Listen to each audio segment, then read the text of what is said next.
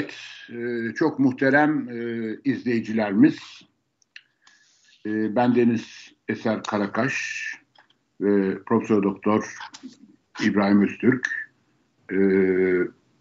Bu hafta tekrar çok kapsamlı, çok detaylı bir programla huzurlarınızdayız. Bu hafta programın moderatörlüğünü yani sunum şeyini geçici olarak ben devraldım. Biraz değişiklik olsun diye. E, dolayısıyla bu Özgür Düşünce programında bütün izleyicilerimizi e, selamlıyoruz. E, bu yayının gerçekleşmesine katkı yapan e, başta Selim arkadaşımız olmak üzere çok teşekkür ediyoruz. Şimdi neler var? E, her hafta programdan önce sabah saatlerinde İbrahim Öztürk Hoca bana bir küçük şey atıyor, mesaj atıyor cep telefonundan. İşte şu konuları konuşalım mı diye. Yani ben de işte şu kartlara e, meşhur kartdaki kartlarla yazıyorum. Bu sefer baktım çoğu şey olmuş ama ben çok kısa bir özet yapacağım. Bu yani önce İbrahim Hoca'nın göllerden başladım ama Birleşik Arap Emirlikleri gezisine değiniyor Erdoğan'ın ve özellikle e, işbirliği alanlarının turizm ve sağlık olmasına değiniyor. Bunu da haklı olarak yani bu, bu yorum kaçınılmaz. Bu, Boğaz'daki yalılar ve şehir hastanelerine e, el konması gibi bir şey olarak e, yorum, yorumluyor katılmıyor değilim. Altınla ilgili bir analizi var.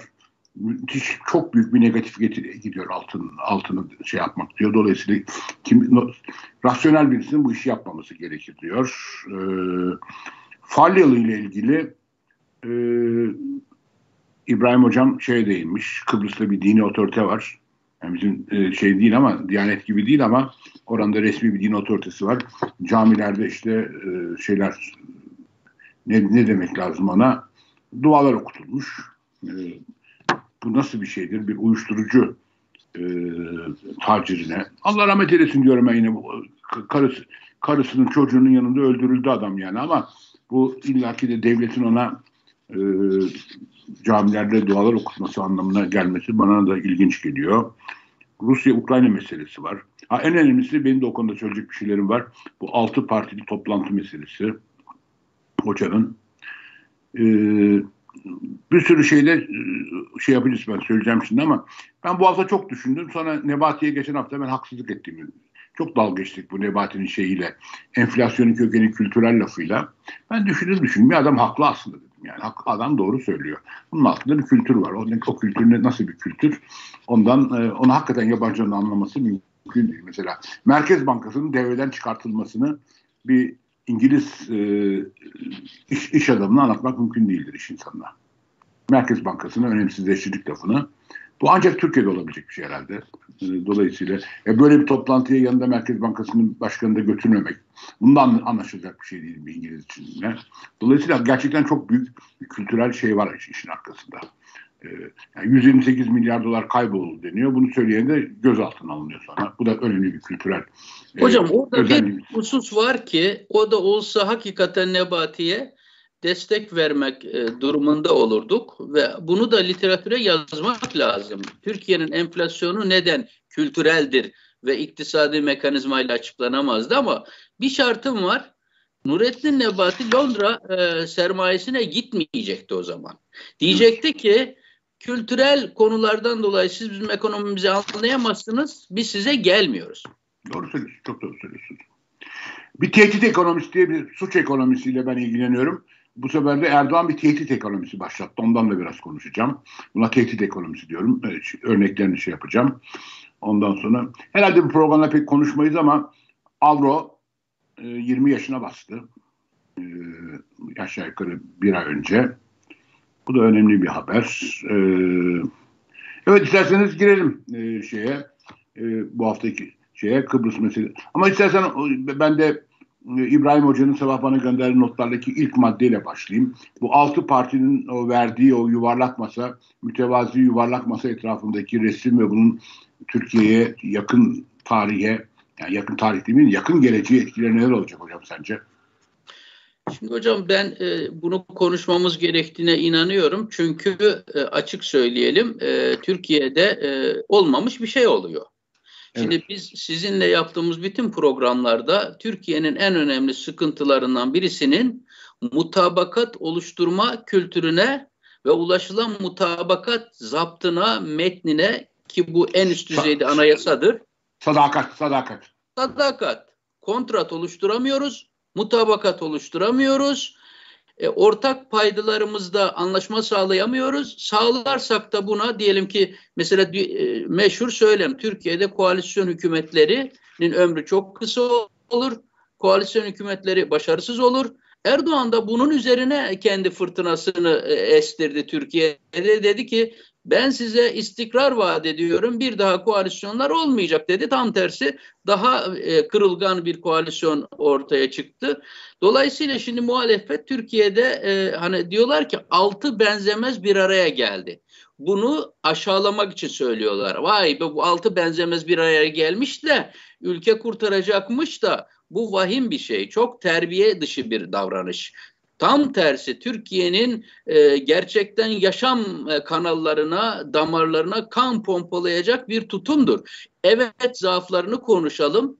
Evet konuşmadıkları konuları konuşalım. Evet HDP'yi içlerine alarak başlamamış olmalarını konuşabiliriz. Söylemlerinin zaaflarını konuşabiliriz. Bir sürü şey konuşabiliriz.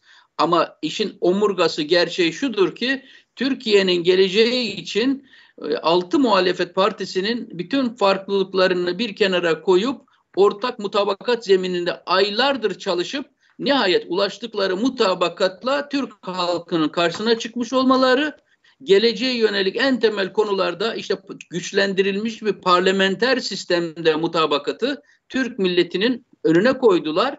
Bunlar çok önemli bence. Türk Tabii. kültürüne çok büyük katkılar siyaset kültürüne diye düşünüyorum. Hocam bu söylediklerinin yüzde yüzüne katılıyorum.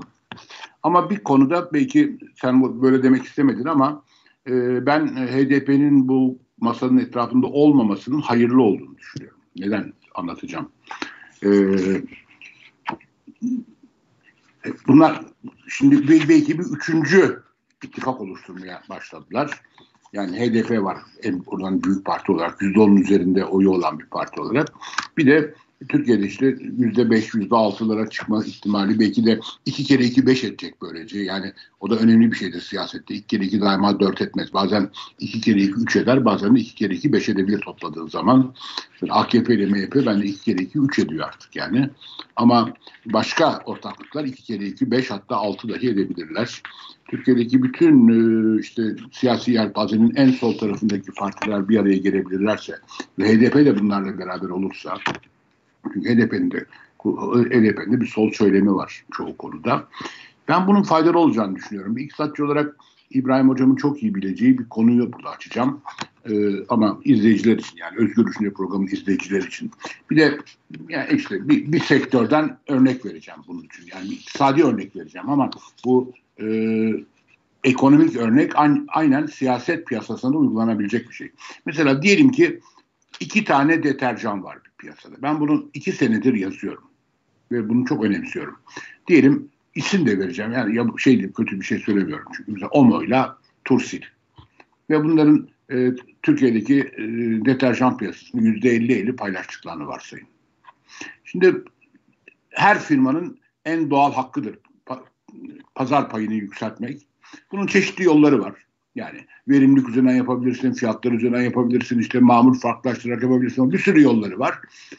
Ama bir yolu da üçüncü bir firma kurmak. Sanki kendisinden bağımsızmış gibi. Mesela diyelim ki e, Ono, Tursil bir de Persil kuruldu. Şimdi ben bunları Türkiye'de şimdi aklıma geldi. Persil'i düşünmemişim şimdi aklıma geldi. Eğer Persil rekabet kurulunun denetiminden kaçabilirse ve OMO'nun bir şirketi aslında sahiplik ilişkisi olarak derinde OMO ile aynı şeyse ve etkin bir reklam kampanyasıyla e, piyasayı üçe bölebilirler. Şimdi piyasa OMO, Tursil, Persil arasında üçe bölündüğü zaman aslında OMO artı Persil ki bunların sahiplikleri tektir. Ya da amacı birdir en azından onu söyleyeyim. Bir anda %50 olan piyasa payını %66'ya çıkartırlar çok önemli bir şeydir. Şimdi ben e, dolayısıyla iki ittifak olarak yani Millet ve Cumhur İttifakı olarak seçime girmek yerine üç büyük ittifak olarak seçime girilmesini yani bir tarafta işte Erdoğan'ın tarafı var Cumhur İttifakı bir tarafta işte o gördüğümüz ve hepimizin çok hoşuna giden o masa bu hafta kurulan e, altı partili masa bu ikinci bir Millet İttifakı bir de güçlü bir üçüncü ittifak kurulursa ve en azından millet meclis seçimine, TBMM seçimlerine değil ama Cumhurbaşkanlığı seçiminde Millet İttifakı'yla beraber hareket edecek. Bak tekrar ediyorum meclis milletvekili seçimlerine değil ama şey e, bazında Cumhurbaşkanlığı seçiminde Millet İttifakı'yla beraber hareket edecek üçüncü ittifak ben Erdoğan'ın sonu için en etkin, en etkili hamle olacağını düşünüyorum. Şimdi unutmayın üçüncü ittifak dediğiniz şey de nereden bakarsanız bakın iyi örgütlenebilirlerse yüzde on beş, yüzde on altı e, bir pay alacak bir şey siyaset piyasasında. Olabilir, doğrudur, katılıyorum. Do, do, do, dolayısıyla mesela yani e, mesela dolayısıyla üç tane ittifak olacak ve ama Cumhurbaşkanlığı seçiminde bu üç ittifaktan ikisi biri Millet İttifakı, biri de işte bu yeni sol ittifak beraber bir adaya oy vermeyi kararlaştırabilirlerse bu bence yapılabilecek en önemli hamledir. Ee, Çok Nasıl güzel. yani dolayısıyla ben bir nakısı olarak görmüyorum şeyi. Çok ben de görmüyorum hocam. HDP'nin ya da Türkiye İşçi Partisi'nin bu masada olmamasını ama onların ayrı bir ittifak, güçlü bir şekilde aralarında kavga etmeden ayrı bir ittifak kurup adına şık bir isim bulup Güzel. ama cum- Cumhurbaşkanlığı seçiminde Millet İttifakı'nın adayına oy vermek. Çok ha, şeyde TB Türkiye Büyük Me, Me, yani mebus seçiminde, milletvekili seçiminde her parti kendine göre şey yapacak, davranacak. Buna bir itirazım yok. Ona... Peki hocam bu altı partinin e, bir araya gelen altı partinin e, deklare ettikleri e, mutabakat e, zaptına, ilkelere, ön plana çıkarttıkları hususlara bakabildiniz mi? Baktım. Yani ben bunu çok tatminkar bulduğumu söyleyemem. Açık söyleyeyim. Çünkü yani bu güçlendirilmiş parlamenter sistem şeyi kulağa hoş geliyor. Ama daha önemli bir şey var. O da anayasanın ikinci maddesindeki cumhuriyetin temel nitelikleri. Ben bunu her yerde söylüyorum. Yani demokratik, layık, demokratik, sosyal hukuk devleti. Değil mi? Dört tane konu var burada. Bunlardan bir tanesi demokrasi, bir tanesi layıklık. Şimdi bu güçlendirilmiş parlamenter sistemde, önerilen sistemde ki bu konuda hiç kimse bir şey söylemiyor. Milli Güvenlik Kurulu denen kurum tekrar şeyde olursa, anayasal sistemin içinde olursa Milli Güvenlik Kurulu. Bir danışma kurulu olabilir. Hiçbir itirazım yok. Ama ona da bile gerek yok. Zaten güçlendirilmiş parlamenter sistemin güçlü başbakanı. Diyelim ki Rusya-Ukrayna arasında bir çatışma ihtimali var. Bölge için bir güvenlik sorunu var. Genelkurmay Başkanı da çağırır. Kuvvet komutanlarını da çağırır. MİT Başkanı da çağırır kendi konutuna ya da ofisine. Orada isterse üç gün arka arkaya toplantı yapar. Buna hiçbir engel yok. Ama Doğru bir danışma organına öte gitmemesi lazım. Anayasada karar alır diyor. Ben hayatımda karar alan danışma organı görmedim. Şimdi e, senin diyelim bir danışmanın var. Bir alanda bir iş yapıyorsun. Bir de danışmanın var. Sen ona danışırsın ama kararı sen alırsın. Ya da Hocam o, Milli Güvenlik Kurulu adı Milli Güvenlik Kurulu olan bir yer. Ekonomik terör var ve buna karşı tedbirler olacak, alınmalı. Olacak, olacak. Böyle, böyle bir şey olabilir mi ya? Böyle bir rezalet olabilir mi? Böyle bir rezalet olabilir mi? Ve yani, dahası e, seçilmiş bir hükümet gücünü daha sonra atacağı adımların gücünü oraya indirgiyor. Diyor ki bak diyor oradan Aa, onu, tabii, korkunç bir şey. Yani dediğim gibi Milli Güvenlik Kurulu'nun mevcut anayasal statüsüyle demokrasi ilkesi, Cumhuriyet'in temel niteliği olan demokrasi ilkesi bağdaşmıyor. Dolayısıyla bunu mutlaka değiştirmek lazım. Bir tanesi layık ilkesiyle Diyanet İşleri Başkanlığı Kesinlikle hocam. Paylaşmıyor. Dolayısıyla bu iki konuya yani bu iki kurumsal konuya bunu söylerken tekrar ediyorum. Ya diğer işlerin başında Ali Erbaş var ya da Rıfat Börekçi e, rahmetli eskiden. Bu önemli değil. Kurumsal yapı uymuyor. Tabii. Kurum, kurumsal yapıda uyumsuzluk var. Tabii. Ama o demokrasiyle ve layıklıkla. Çok, çok doğru hocam. Dolayısıyla Şimdi, ama şey herhalde hocam e, bunun dışında bu partiler Avrupa Birliği gündemini, Avrupa Konseyi'ni, AYİM gibi kuruluşların bağlayıcılığını çok güçlü bir şekilde altını çizerse bunlar, bunlar, bunlar çok bunlar çok olumlu şeyler ama yani her belli yaştan sonra oluyor. Benim de benim takıntılarım var. Son 25 Doğru. yıl takıntım benim. Diyanet İşleri ve Milli Güvenlik Kurulu. Resmen takıntı bunlar, Hocam Bu, bunlar takıntı olmaması mümkün değil ki. yani onun, onun için e, şey buluyorum ama çok önemli şeyler var. Özellikle e, şeyin yani Kemal Kılıçdaroğlu'nun söylediği bir şey var. Mesela e, mutlaka diyor ki kesin hesap kanunu komisyonun başında muhalefet partisinden birisi olacak diyor. Bu çok önemli, çok hayati bir şey. Yani bir komisyon toplanacak, bir ayrı bir komisyon kurulacak kesin hesap kanunuyla ilgili. Ve onun başında mutlaka muhalefet partisinden birisi bulunacak diyor. Çok önemli. Bu, bu olağanüstü olumlu bir şey, öneri. Yani itiraf ediyorum, benim de aklıma gelmemişti Kemal Bey bunu söyleyene kadar. Çok benim güzel. alanım bu yani. Kendi gücünü şeffaflık adına muhalefetle dengelemek. Muhteşem bir teklif hocam. Tabii. Yani diyor ki ben güveniyorum yaptığıma diyor. Gel sen ol bu komisyonun başında ve beni denetle diyor. Veyahut da şöyle hocam güveniyorumun ötesinde ben yapacağım ama ben beni denetlemeyeceğim. Sen denetleyeceksin. Tabii. Çok güzel bir fıkra vardır. Bir ekmeği en adil ikiye bölme yöntemi nedir? Nasıl kesilir bir ekmeği? En, en adil iki, iki kişi arasında bir ekmek kesilecek, paylaşılacak. En adil paylaşım yöntemi nedir? Nasıl kesersin bir ekmeği? Siz kesin, ben seçeyim. Ha ha işte bu kadar hocam. İşte ben bu kadar. keseyim siz seçin. İşte, işte bu kadar. İşte bu kadar. Bu, hocam bu, da bu... bu şey kurbanın altı ya da yedi ortakla işte beş ortakla kesiliyor ya ben e, o muhafazakar mahallede bunu çok yaşadım. Şimdi orada e, e, kesilen kurbanın her parçasından altıya ayrılması lazım. Her parçası eşit büyüklükte aşağı yukarı kesilmesi lazım ve altı yerde bölüşülür. Orada nasıl seçeceğiz onları? Aynen Bazıları, bu, bu yöntemler herhalde. Evet bu yol bu yöntemle. Çok güzel. Evet. Hocam şey ne diyorsun? Ee, çok konu var ki çok detaya girmiyorum yani. Evet doğru. Şöyle bir şey yapalım. Bu şeyin Birleşik Arap Emirlikleri gezisi. Ee, Cumhurbaşkanı ben, Erdoğan. Tabii e, işin büyük resminde ben iki tane şey, üç tane husus var bana göre hocam. Bir, Erdoğan tabii ki para bulacak kapı kalmadı. Nere bulursa saldırıyor. Para bulması lazım. İki, Sedat Peker çok hırpaladı onu. Ukrayna'dan getirdiği kendi adamı gibi bütün sırlarını, pisliklerini bilen adamı nasıl ki Ukrayna'dan getirtti ve hapse koyduysa Sedat Peker'i de almaya çalışıyor. Dolayısıyla bir yandan para istiyor, bir yandan Sedat Peker istiyor. Bunun karşısında ülkemizin nelerini veriyor? Ülkemizin nelerini pazarlık yapıldığını işte o 13 başlık altında işbirliği mutabakat zaptı imzalandı denen şeyin içinde ben arayıp bulmaya çalışıyorum. Bir üçüncü husus da şudur hocam. Ee, Erdoğan e, bu Rabia olayıyla işte Rabia Rabia, e, ümmet ümmet, şeriat şeriat bilmem ne diye Gazze Gazze bunun rantını yedi.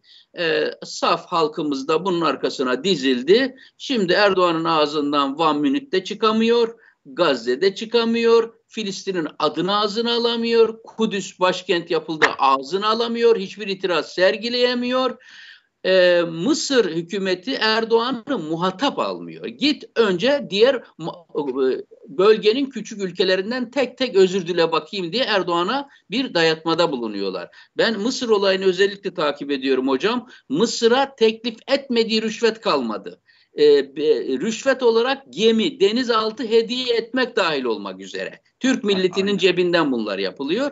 Onun için gittiler biliyorsunuz Birleşik Arap Emirlikleri ile İsrail arasında İbrahim Anlaşması diye İbrahim Barış Sözleşmesi diye bir anlaşma yaptılar. Hazreti İbrahim ortak ata olma hasebiyle hocam. Dediler ki Erdoğan'a git şimdi Birleşik Arap Emirlikleri'nden özür dile, bölgeyle ilişkilerini geliştir, İsrail'le düzelt, sonra bir ara Mısır'a da gelirsin. Erdoğan bir de özür dilerim kendi tarzımla söyleyeceğim. Bölgede Arap fistanı öpme seremonilerini sürdürüyor. Üç tane husus. Para, Sedat Peker, İsrail'le barışmak için ön hazırlık yapmak üzere bölge ülkelerine yalvarma e, süreci. Bunların üçte ikisine yüzde yüz katılıyorum. Yani Arap fistanı öpme ve İsrail'le barışma meselesi. Fakat Sedat Peker konusunda biraz kuşkularım var şu anlamda. Çünkü Sedat Peker anladığım kadarıyla çok akıllı bir adam. Yani ve, ve aynı çizgide olmam söz konusu değil adam bir mafya yani. Fakat herhalde ne biliyorsa, ne biliyorsa, ne duymuşsa, kendisine ne gelmişse bence hepsi birer kasetler, bunlar kasetlere geçirildi, bir deftere yazıldı. Bu kasetler, defterler muhtemelen e, Londra'da bir banka kasasında duruyor. Yani bir şekilde bunun bu bilgi de muhtemelen Erdoğan'a ulaştırıldı. Eğer bana dokunursan benim bir sadık adamım Londra'da gidecek kasadan şeyi alacak bunu ve ertesi sabahta bütün Türkiye bu kaseti dinleyecek diye. Dikkat edersen o, doğrudur hocam. E, yani dolayısıyla ben bence kendisini bu şekilde garantiye aldı. Çünkü dikkat edersen o bantlar, o şey, şey yapılan video şeylerinde hiç Erdoğan'a gelinmedi. Erdoğan etrafından dolaşıldı. Erdoğan'a gelinmedi. O da bence Sedat Peker'in kendini güvenceye alma e, yöntemiydi. Şimdi muhtemelen Londra'da bir bankanın kasasında, e, bir, bir kasasında, bir kiralık kasada bu defter ya da videolar şeyler duruyor bir, bilgisi, bir bilgisayarın içinde. Dolayısıyla e, şeye fazla dokunabileceklerini zannetmiyorum ben. Sedat Peker'e o şey mesele. Fakat ben şimdi ben de bir şey söyleyeyim. Ee, bir de bu hafta bir şey oldu. Şimdi alakasız gibi gelecek ama ben bu iki konuyu çok birbirine şey yapıyorum. Tabii bu yazı da yazdım. Biraz önce sana da gönderdim yazıyı. O YÖK'ün bir kararı var. Ee, işte belirli dallar dışında, tıp ve hukuk dışında, tıp, hukuk ve öğretmenlik, tıp dalları yani tıp derken dişçilik, eczacılık da dahil buna. Yani sağlık bilimleri ve e, hukuk ve öğretmenlik konusu dışında üniversitelere girişte baraj puan kaldırıldı. Şimdi bu Şimdi bu baraj bandı denince ben ben çok ilgilendim bu işlerle zamanında yani şey olarak da. Mesela diyor ki 175'in altında lan giremeyecek deniyor mesela şimdi bir şeye. Hukuk fakültesine giremeyecek. 175 puanın altında almışsan eşit ağırlıktan giremeyeceksin. Şimdi bu 175 dediğiniz zaman ne geliyor senin aklına? Nedir 175? Çocuğun başarısı, düzeyi, niteliği konusunda bir fikir veriyor mu? 175 puan. Ne demek 175 puan? Hocam, İyi bir şey mi? As, şey. E, hiçbir yeterliliğe işaret etmiyor ama asgari düzeyde birkaç matematik, bir ama, birkaç edebiyat sorusu çözdü demek. Hayır, 175 bir şey. Halbuki bunu çok güzel. Aslında bunu ÖSYM yayınlıyor. Hatta belki bu, önümüzdeki dönemlerde bu yasaklanabilirdi. Türkiye ortalaması yaklaşık 20 yıldır 40 matematik sorusundan ortalama Türkiye'deki doğru cevap sayısı 4,5. Ne demek bu? Türkiye matematikten Türkiye ortalaması 10 üzerinden 1 alıyoruz. Türkçeden de aynı şekilde 10 üzerinden 1 alıyoruz. Fizikten 1 alıyoruz. Felsefeden 1 alıyoruz 10 üzerinden. Bunları her sene izliyorum. Bana inanmayan şeye bakar. Yani 40 tane matematik sorusu soruluyor. Bu 40 matematik yani cebir, geometri beraber işte matematik diyorum. 40 matematik sorusundan Türkiye doğru cevap ortalaması 4 ile 4,5 arası dolaşıyor. 10 yıl geç, geçtiğimiz 15-20 yılın ortalaması bu. Hiç de değişmiyor. Yani büyük sapmalar da yok. Şimdi dolayısıyla bu Türkiye ortalamasıyız. Allah'ını seversen. Barajı düşürsen ne olur? Barajı düşürmesen ne olur? Şimdi ortada bir zavallılık gösteriyor. Korkunç bir şey.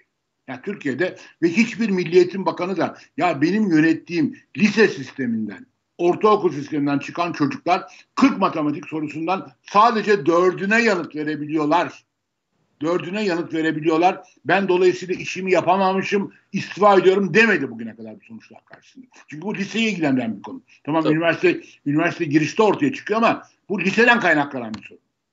Şimdi bu bir, bu bir zavallı. Ama onun dışında çok önemli bir laf ettik şeye giderken Birleşik Arap Emirlikleri'ne Erdoğan ne dedi? Önümüzdeki 50 yıla damgasını vuracak bir geziye çıkıyorum. Bunu havaalanında basın toplantısında söyledi. Önümüzdeki ya vizyona bakar mısın İbrahim Hocam?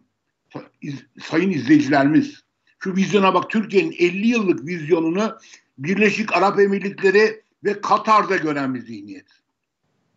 Şimdi dolayısıyla sen Türkiye'nin vizyonunu Birleşik Arap Emirlikleri ve Katar'da görüyorsan böyle bir 50 yıllık vizyondan bahsediyor. E o zaman 40 matematik sorusundan 4 tane doğru da normaldir, normalleşir. Ya da tam tersten de bakabilirim. 40 matematik sorusundan 4'üne doğru yanıt verilebilen bir ülkenin vizyonu da zaten Katar ve Birleşik Arap Emirlikleri'ni geçemez. Çok doğru. Hocam şimdi bu sözünü ettiğiniz e, kötü eğitim skoru ortamında bari bari diyordu ki Gök şundan aşağıya puan alıyorsan sen tercihte bulunamayacaksın. Evet. Hiç olmasın kötünün içinde bir standart koymuştu. Şimdi aynı GÖK Başkanı Erol Öz var. Ne hazin çıkmış diyor ki ya ne olmuş çocuk tercihte bulunsun. Üniversite alırsa alsın, almazsa almasın. Sen her ilde binalardan müteşekkil adına üniversite dediğin yerler koymuşsun. İçi bomboş. Hocalarını teşkilatlardan götürüp bir senede 4000 kişiye adeta AKP teşkilatlarından emir komuta zinciri içinde akademik titir dağıtmışsın. Sen böyle bir ortamda adama diyorsun ki adeta iki ayağın varsa yürüyebiliyorsan, canlıysan, nefes alabiliyorsan sen bu üniversitelerden birine yerleşirsin kardeşim. Ben bu puan, bu barajı kaldırdım senden. Ya boş kağıt ver çık. Boş, boş kağıt, kağıt ver çık. Her yerde kurduğun binalardan birinde sana da yer olacaktır. Ama sen artık öğrenci statüsü kazanacağın için işsiz sayılmayacaksın. Bu, çok önemli. Bir de hocam sen e, tabii profesörlükten gelme bir koşullanma mı diyeyim yani o meseleye bir akademik açıdan bakmaya şey yapıyorsun. Ama bir de vakıf üniversiteleri boş kalıyor kaç senedir. Ya. Dolayısıyla vakıf üniversitelerini dolduracaklar. O kadar basit ya. yani evet. Anlatabiliyor muyum? Vakıf Üniversitesi de olacak şimdi burada. Ama orada da çok büyük bir sorun çıkacak. Ben Vakıf Üniversitesi'nde çalışmış birisiyim çünkü. Belli bir Vakıf Üniversitesi tecrübem var. Ee, sınıflarda burslu kategoriyle girildiği için çok iyi öğrenciler de olur. Mesela 30 kişilik bir sınıf varsa 2-3 tane çok iyi öğrenci de vardır. Gerçekten çok iyi öğrenci var. Evet. Boğaziçi Üniversitesi'nin üzerinde öğrenci vardır 2-3 tane. Şimdi bu yeni yöntemle o sınıfa gerçekten boş kağıt vererek girebilmişler de olacak. Evet. Yani yani sen ne anlasın anlamayacak. Şimdi öğretim üyesinin zorluğunu düşünebiliyor musun? Önde pırıl pırıl 4-5 tane çocuk oturuyor. Yani sana belki de öğretim üyeliği ders vermek keyfini tattıracak çocuklar oturuyor. Soracakları sorularla, performanslarıyla. Ama sınıfın çok önemli bir bölümü senin ne dediğini dahi anlamıyorlar. Yani anlatabiliyor muyum? Ya da dinli ders bile dinlemiyorlar arkadaşlar. Ellerine cep telefonu karıştırırlar. Böyle biz şimdi burada hocalık yapmak ne kadar korkunç bir şey dönüşecek yani. Bir Hocam o... ben İstanbul'da ilk açılan özel üniversitelerin neredeyse e, 6-7 tanesinde hocalık yaptım. Çünkü asistanlıktan beri ek gelir ihtiyacımız vardı. Tabii. Doğrusunu evet, isterseniz. Tabii, Biraz tabii, tabii. Hepim, hep, hepimizin. Hepimizin. Evet ben gidiyordum orada. Mesela bir gün e, Karadenizli bir öğrenci kalktı. Tabii seviyeyi düşürüyorum hocam. Telkin ediliyor. Diyor ki seviyeyi düşür deniliyor. Seviye düşürmezsen diyorlar. Ama, ama o, o da bir haksızlık. O da, orada da iyi öğrenciler var. Onlara çok büyük bir adaletsizlik yaşanıyor. Şimdi oluyor. o iyi öğrenciye adaletsizlik bir yana diyor ki seviyeyi düşürmezsen bunlar bizim müşterimiz diyor. Müşterimiz yan üniversiteye kaçıyor diyor. Hocam diyor sen aynen, diyor inat aynen, etme aynen. paranı kazan diyor burada. Bir tabii ben üzülüyorum. Seviyeyi neredeyse ilkokul düzeyinde matematiğe indirmişim. Yine 100 üzerinden 5 alıyor. 3 alıyor insanlar. Boş kağıt veriyor. Karadenizli bir öğrenci bir gün bana çıktı dedi ki hocam dedi senin acı çekmiş olmanla ben ilgileniyorum dedi. Bize lütfen sıfır ver bizi bırak ama lütfen o tatlı canını üzme hocam. Ben askerden kaçmak için buraya geliyorum. Ailem de bu parayı buraya memnuniyetle veriyor. Benim mezun olmak gibi bir gündemim de yok. Biz mutluyuz sen de mutlu ol hocam. Germe kendini diyordu bana. Aynen. Aynen. Korkunç tabii maalesef. Hocam ee, Ama bu yazık hocam. Ailelerin bunu durumu fark etmesi lazım. Yani evet. şunu söylüyorum. Liseyi bitiren bir çocuk belki bir mesleki eğitim almak için ömründeki son bir şansı kullanabilir. Üniversiteye gidiyormuş ayaklarına ömrünün gelecek beş yılını da orada çürütürse, dört yılını da orada çürütürse bir daha ağaç yaş iken eğilir. Bu çocuklar ebediyen işsiz kalarak ortalıkta dolaşacaklar. Aynen. Aynen katılıyorum. Hocam programa girmeden 10 dakika yani daha e, Selim aramadan beni e, bir, bir şey, şey sürekli olarak TÜİK'e ve Hazine'ye Merkez Bankası'na bu üç siteye giriyorum. Ne var ne yok yeni bir şey var diye bakıyorum her zaman. TÜİK bir şey koymuş. Fakat okudum ama çok hızlı okudum. İtiraf edeyim tam anlayamadım ne demek istediğini. Ama şeyi galiba iş gücü istatistiklerini 3 ayda bir yayınlamaya başlıyorlarmış 10 Mart'tan sonra. Sen gördün mü bunu? Bugün Yok, kondu. Görmedim daha. Bugün kondu. Aylık yayınlamayacak artık. Yani aylık da yayınlarız bazı şeyleri diyor ama bazı şeyleri 3 aylık da bir yayınlayacağız diyor. Ama onların ne olduğunu da çok net anlayamadım. Çok hızlı okudum. Çünkü o sırada e, şey çaldı yani. E, Skype'ın şeyi çaldı. Sonra okuruz ve bakarız detayında ne varmış hocam. Niye böyle bir şey yapmaya gerek duydular? Onu da e, evet. ilginç ilginç geldi. Onu da bilmiyorum. Hocam bu şeye ne, ne diyorsun? Kıbrıs'ta ne oluyor? E, hocam o sizin daha çok takip ettiğiniz, Falyalı sizin çok yakından takip ettiğiniz şey. Ben sadece şu kısmına çok takıldım olayın. Yani hapishanede 84-85 yaşındaki insanlar sırf devletin e, meşru bir bankasına denetlenen, hizmet veren Danıştay karar açıkladı. Dedi ki evet, bu banka açık olduğu açık olduğu sürece meşru bir kurumdur buralara insanlar işlem yaptığı için, müşteri olduk için buralarda şu ya da bu kategoride bunlar suç işlemiş sayılmaz diye nihayet bir karar var elimizde. Ama böyle bir insanı 85 yaşında e, bir ihtiyarı onlarca ilaç kullanan insan işte üç birkaç Ömer Faruk Gergerlioğlu günlerdir yalvarıyor, kamuoyu yalvarıyor. Maalesef e, hapishanede ölüme sürüklenenlerden biri de o öl, oldu. Bülent Arınç'ın şeyini, Bülent Arınç'ın şeyini okudun mu yazısını? Evet, Bülent Arınç da sonra günah çıkartmak için yazık biz bir şey yapamadık sana diyerekten e, diktatörüne verdiği destekten dolayı bir acı e, çektiği anlaşılıyor. Fakat işte Falyalı gibi bir mafya olunca hocam ona da bütün e, e, suç örgütü liderine bütün devletin camilerinden milletin bu bütçesiyle e, açılmış, e, finanse edilen camilerde Kur'anlar okutuldu, mevlitler okutuldu, dualar edildi. Biliyorsunuz e, İstanbul'da e, işkence altında öldürülen bir öğretmen vardı. E, ona İstanbul Büyükşehir Belediye Başkanı Topbaş, o dönemdeki AKP Belediye Başkanı Topbaş, kraldan fazla kralcı davranarak e, bunu e, hainler mezarlığı açalım bunu hainler mezarlığına koyalım. Müslümanların arasında yeri yoktur. Buna tabut da yok, cenaze hizmeti de yok. Buna namaz da kıldırılmasın diye bir kampanyanın öncülüğünü yapmıştı. O genç öğretmen, Helal. işkenceler altında öldürülen o öğretmen sonra her şeyden suçsuz bulunarak öldükten sonra görevine de iade edildi. Ee, Türkiye'de bunlar hocam Türk halkının daha fazla sırtında taşımaması gereken feci işler. Korkunç. Kıbrıs meselesine bugün bir haber var. Bu bir iki tane gazeteci var. Onları izliyorum. Kamuoyunu çok yakından tanımadığı ama bu konularda çok şey çalışan bir iki gazeteci var.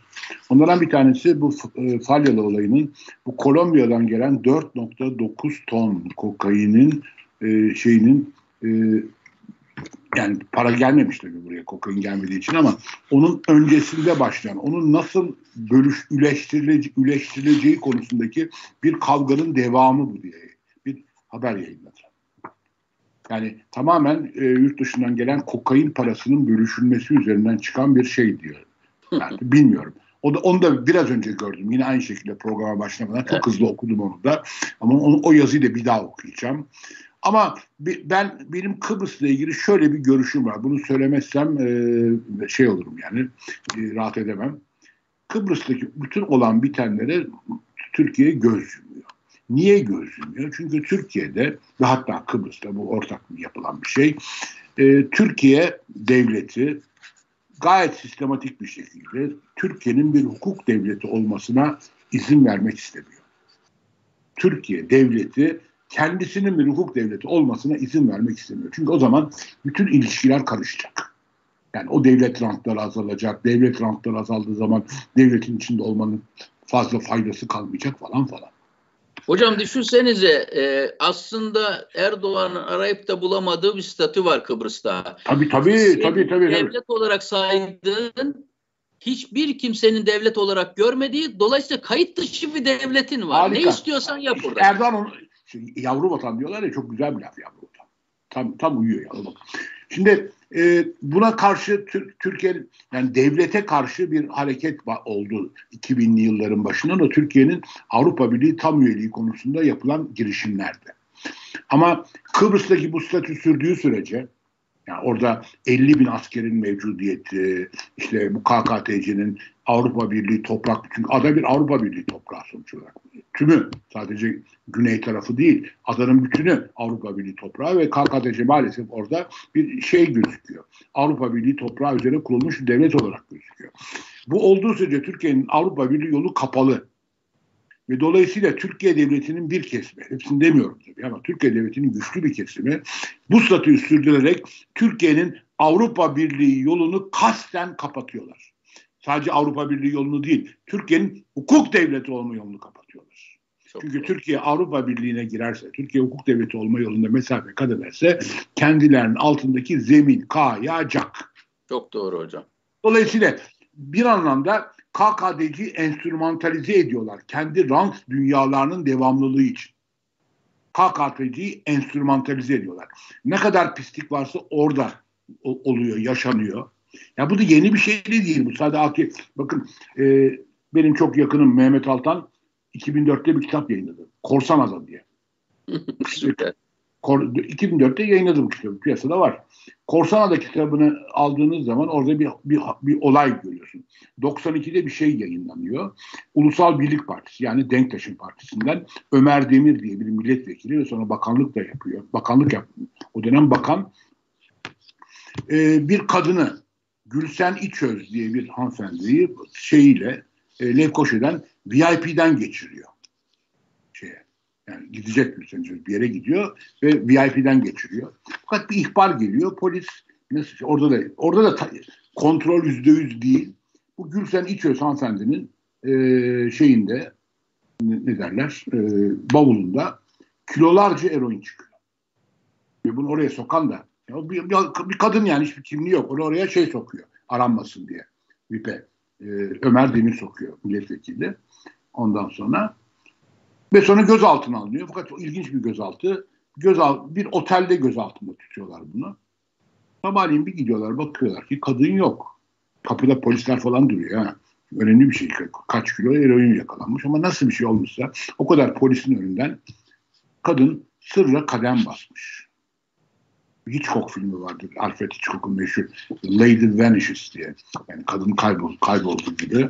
O böyle bir şey. Ve bir daha da o kadın izine hiç rastlanmadı. Ne oldu o kadın belli değil. Ee, belki Allah korusun belki de Akdeniz'de balıklara yem oldu. Bilmiyorum. Ama tehlikeliydi şey polisin. Çünkü o her şeyi biliyordu bu hikayeyi. O da bundan bir pay alacaktı. Şeyi götürüyordu bir yere. Kıbrıs'a gelmiş evet. uyuşturucuyu. Ondan sonra muhtemelen Türkiye'ye gidiyor herhalde. Başka yere. Nereden gidecek şimdi? Lefkoşa Havalanı'ndan 92'de başka hiçbir yere uçak kalkmıyor. Sadece Türkiye'ye kalkıyordu. Türkiye'de nereye verecekse bilmiyorum. Ondan sonra o, kay, o kayboldu. Fakat mesela bu olay hiçbir zaman aydınlanmadı. Ve çok da gırgır bir şey oldu. Bu işte Kıbrıs'ta dediğimiz 92 yılından bahsediyorum. O yüzden yani bir süreklilikten bahsetmek için kadın kaybolunca savcı davayı düşürdü. Ömer Demir de yırttı. Kadın yok ortada dediler. Makul yok, bir süre aradılar. Makul bir süre aradılar kadını. Kadın yok diye davayı düşürdüler. Çok gırgır. Peki o kadını oraya sokan e, eroin çantasını sokan bir milletvekili var. O ne olacak? Ya orada davanın sanığı kadın. E kadın da yok. E dava düşer dediler. Çok güzel. Harika. Değil mi? Yani bak şimdi, ha, şimdi 92'deki bu olayı şimdi Mehmet'in Korsan adı kitabını e, bilip e, 92'de yaşanmış bu olayı bildikten sonra Falyalı olayı böyle Allah Allah dedirtmiyor insana. Doğru. Bunlar bir süreklilik yani bunlar. Ha şimdi şimdi tabii dünyanın milli dünya geliri de arttı. Rakamlar büyüdü. Dolayısıyla şimdi 4 nokta ton kokainden bahsediliyor. O zaman atıyorum 20 kilo eroinden bahsedilirken. Bu arada hocam e, uluslararası bir yayında gördüm. E, Türkiye'nin e, mafya yapılanması e, kokain yapılanması e, Latin Amerika'dan getirdiği e, uyuşturucuyu hocam Afrika'nın çeşitli limanlarından Afrika'ya sokuyor. Afrika'dan derleniyor, toparlıyor. Son liman olarak Libya'ya gidiyor. Libya'da Türkiye'nin ne işi var? Türkiye niye buraya bu kadar bu kadar bu kadar önem verdiğinin cevabını bulmak gerekirse Lib Libya Türkiye'nin etkisi orada devam ederse Libya'nın da ge- geleceğine geçmiş olsun demek lazım şimdiden. Çünkü artık orada bir devlet olmak yerine e, kayıt dışı yoldan gelip geçen bir e, uyuşturucu e, transit ülkesiyle bir mafyalaşıp bir devlet olma, bir hukuk devleti olma, bir kurumları olma, bir altyapısı olma yolundaki şanslarını yeni Hocam, kurulmakta olan bir devlet ebediyen kaybetmiş olacak. Hocam ben söylemeyeyim sen söyle. E, kestaneyi sen çek ateşin üzerinden. E, kızgın sobanın üzerinden. E, niye bu kadar uğraştık biz Kabil Havalı'nı işletmek için Afganistan'da? İşte bu nedenle. yani ne, ne, ne, neler yaptık ya havalanı işletiriz diye. Ya sana ne, ne, ne, ne neyin olabilir yani uyuşturucu dışında kabil havalanı işlet, işletmekten Türkiye'nin ne gibi bir e, ülke çıkarı olabilir ya? Evet maalesef. Yani hocam bir de bu şey konusu var. Senin görüşünü almak istiyorum bu konuda. Bu e, enflasyon konusunda Erdoğan'ın bir söylemi başladı. Bu nasıl bir şey? Mesela ne dedi? Şiddetli müeyyide uygulamak istiyor. dedi ki mesela biz KDV'yi yüzde yedi indirdik dedi. Yüzde sekizden yüzde bire indirdik dedi. Fiyatlarını karşı tarafta indirmezse şiddetli müeyyide uygulu istedi. Ve bir de çok ilginç herhalde e, iktisat teorisine katkısı. Ben ben önemli bir iktisatçıyım diyor ya. Enflasyonla mücadele timleri kuruyoruz dedi. Süper. Bu nasıl geldi kulak? Nasıl geliyor hocam senin bilgisayar profesörü olarak? Ee, yurt dışına doktora yapmış, hocalık yapmış birisi olarak. Enflasyonla mücadele timleri nasıl bir şey? İşte meşhur Mao deneyleri deme, demeye devam ediyorum hocam ben. Eli sopalı bir arz ve talep mekanizmasını inkar eden eli sopalı bir şey. Merkezi otoritenin e, yapıp deneyip başaramadığı şeyi çok yanlış bir zamanda, tarih dışı kalacakları bir zamanda yine uyguluyorlar. Ülke büyük, ihtiyaçlar hat safhada. Ne olacak ki korkuyla 100 e, artırılmış bir şeyi 7 düşürürseniz ucuzluk mu olacak mesela? Herkes canını dişine taksa dese ki KDV'yi biz gıdadan %7 olarak biz de düşürüyoruz. E, ne olacak ki zaten %150'lere varan oranda artan gıda kategorileri var. 7 düşürsen ne olur bunu? Bir, bir ay sonra tekrar. Sonra ceza veriyor. Bu, bu, bu, şey ya da sermaye piyasalarında bir şey yaparsan, sermaye piyasası kanununa aykırı bir şey yaparsan ama Şimdi ben fiyatı düşürmüyorum kardeşim. Sana ne? Alıcım var benim. Sana ne? Ya, Sana ne? Anne. Eğer bir senin işin bu, bu tür kötüye kullanımların olamayacağı bir piyasa düzen olsun. Devletin işi budur. Yoksa müeyyide uygulamak olabilir mi böyle saçma sapan bir şey ya? Hocam Londralı bankerlere ben size gelin Türkiye'ye girin kur garantisi veriyorum diyor. O zaman git COBİ'lere de kur garantisi versene. Fiyatları bu hale getirenin şeyin başında kurdaki zıplama, kur şoku yok mu? İthalat üzerinden ülkeye giren. Sen Londra'daki tabii ki bunu kimseye yapamazsın. Kur garantisi diye bir şey olur mu? Dünyaya açık, dışarı açık bir ekonomide. Ama illa da garanti vereceğim diyorsan 84 milyona veremediğin garantiyi, KOBİ'ye veremediğin garantiyi, emekçiye veremediğin garantiyi, halka veremediğin garantiyi nasıl gidip de Londra bankerlerine veriyorsun o zaman? Hocam para yok kasa, kasa, kasa, kasada fareler cirit atıyor. E, La para yok ha. E, La Casa'da, La papel yok. Papel yok. papel yok. Dolayısıyla e, her şeyi yapmaya hazır. Doğru. Yani Birleşik Arap Emirlikleri'nde işte Rabia falan unutuldu. Yani bunlar da şeydi Rabia sırasında falan ağlayarak konuşuyordu. Nasıl bir karakterdir bu ya? Ya ve dahası hocam çok ilginçtir o Rabia'nın dörtlüsünü döndü içeriye ırkçı, kemalist ideolojinin dört umdesi olarak tercüme etti. Aynı adam iyi mi hocam? Evet evet aynı şeyi yaptı. Biz dedik ki üniter tek devlet, devlet olacak. Tek. Biz dedik ki tek bayrak, tek millet, bilmem ne bilmem ne. Ee, aynı bu ürkütücü hocam. Bu kadar ürkütücü ya. Ben, bana da işte ben bu şiddetli müeyyide lafından çok ürktüm. Çünkü evet. şeyi çok iyi hatırlıyoruz yani şimdi bu yani e, Hürriyet e, e, CNN el değiştirmeden önce vergi müfettişleri tasallut ettiler şeye Aydın şey, şey evet. Holding'e. Cezalar kesildi. Yani şimdi her, Türkiye'de herhangi bir işletmeye girsen gerçekten şöyle 10 tane işini bilen maliye şeyini soksan oraya şeyini mutlaka bir şey çıkar. Mutlaka. Ve o işletmeyi çökertirsin. Hocam hukuk üzerinden yönetilmeyen ülke suç üzerinden yönetilir.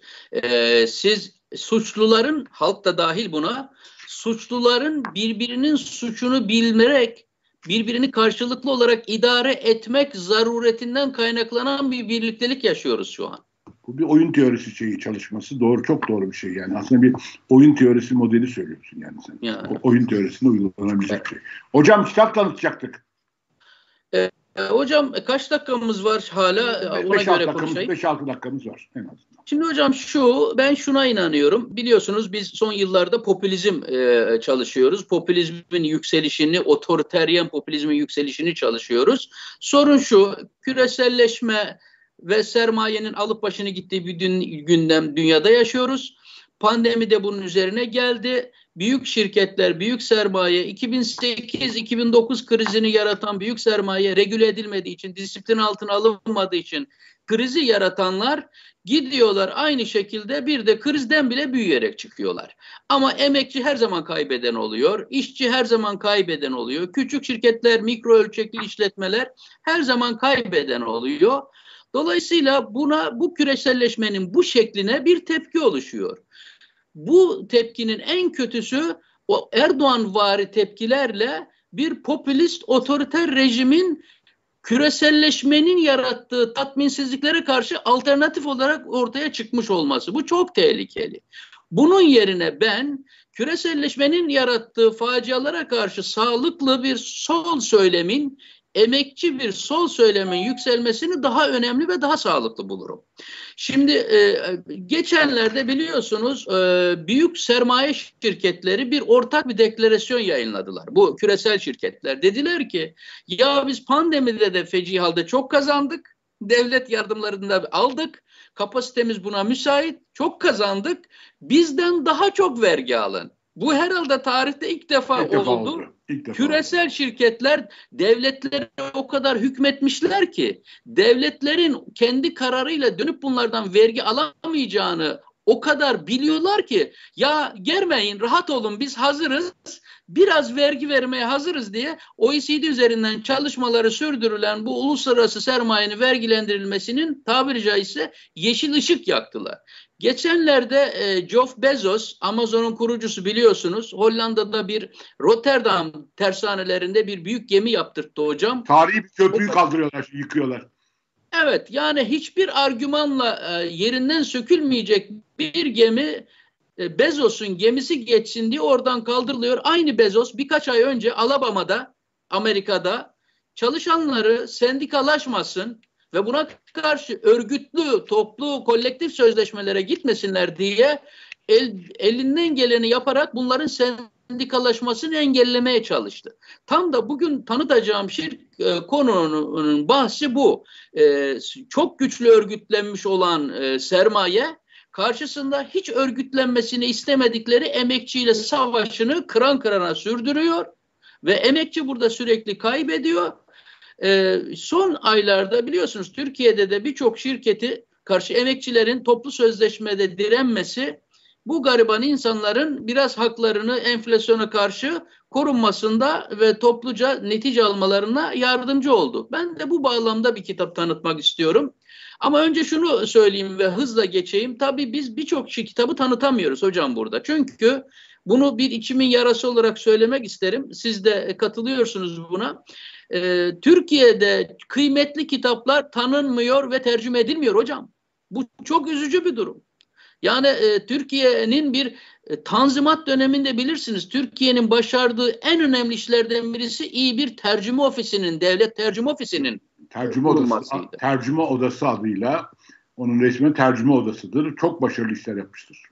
Ve bunun bugün Kültür Bakanlığı ve Milli Eğitim Bakanlığı ile devletin özel sektör şirketlerine rakip olmadan, onları batırmadan telif haklarının alınmasında, kaliteli tercümelerin ortaya çıkmasında yardımcı olarak dünyadaki kıymetli kitapların derhal anında hızla zaman kaybına mahal vermeden tercüme edilmesi gerekiyor. Ben şimdi bakın e, William Grader'dan iki tane kitap bahsedeceğim. Ee, ama açmayacağım. Sadece başlıklarını söyleyip esas tanışı, tanıtacağım. Ekranda gözüken e, kitaba yöneleceğim. 1993 yılında e, e, William Grader bir kitap yayınladı ve buna dedi ki e, e, e, ortaya çıkan emek sınıfıyla sermaye arasındaki mücadelenin tarihine dair inanılmaz tatmin edici çok güzel bir kitap. Yani şu cümleleri söylemek için bütün bunları söyledim hocam. Yani bugün demokrasi adına, insan hakları adına, emeğin özgürleşmesi adına, emeğin tatili, ek e, kazançları, ek mesai ücretlerinin verilmesi, haftada bazı günlerin tatil e, olarak tanınması gibi şeyler öyle e, hüdayi nabit bir şekilde gökten zembille inmedi. Tabii, Demokrasimiz. İnsan haklarımız konusunda sol hareketin verdiği, sol mücadelenin verdiği, önünde saygıyla eğilmemiz gereken muhteşem bir mücadele vardır. Demokrasi bahsedeceksek, insan hakları bahsedeceksek, insan onur ve özgürlüğünden bahsedeceksek, çok güçlü örgütlenmiş bu sermayenin karşısına emeğin örgütlenerek çıkmış olmasının öneminin altını çizmek lazım. Bu önümüzdeki dönemde bu konuyu çok daha önemsememiz gerekecektir. Çünkü öyle zannediyor ve inanıyorum ki önümüzdeki dönemde küreselleşmenin aşırılıklarına karşı dengeleyici bir şekilde milliyetçi, otoriteryen bir rejimin yükselmesindense güçlendirilmiş bir sol söylemle halkın önüne çıkılmış olması son derece önemli olacaktır. Türkiye'de siyaset yapanların da bu farkındalığa kavuşmuş olması gerekir. Çok teşekkürler. Harika, harikaydı İbrahim Hocam. Çok teşekkürler. Estağfurullah hocam. Çok sağ olun. Hocam yavaş yavaş programın sonuna geldik. Evet. Ee, teşekkür ederim izleyicilerimize. Ben İbrahim Hoca'ya çok teşekkür ediyorum. Ee, izleyicilerimize de çok teşekkürler. Bu programın bize teknik destek veren Selim Bayar arkadaşa da çok teşekkürler. Bu olandan sunanlara da. Haftaya görüşmek üzere inşallah tekrar. Çok teşekkür ederim. Hoşçakalın.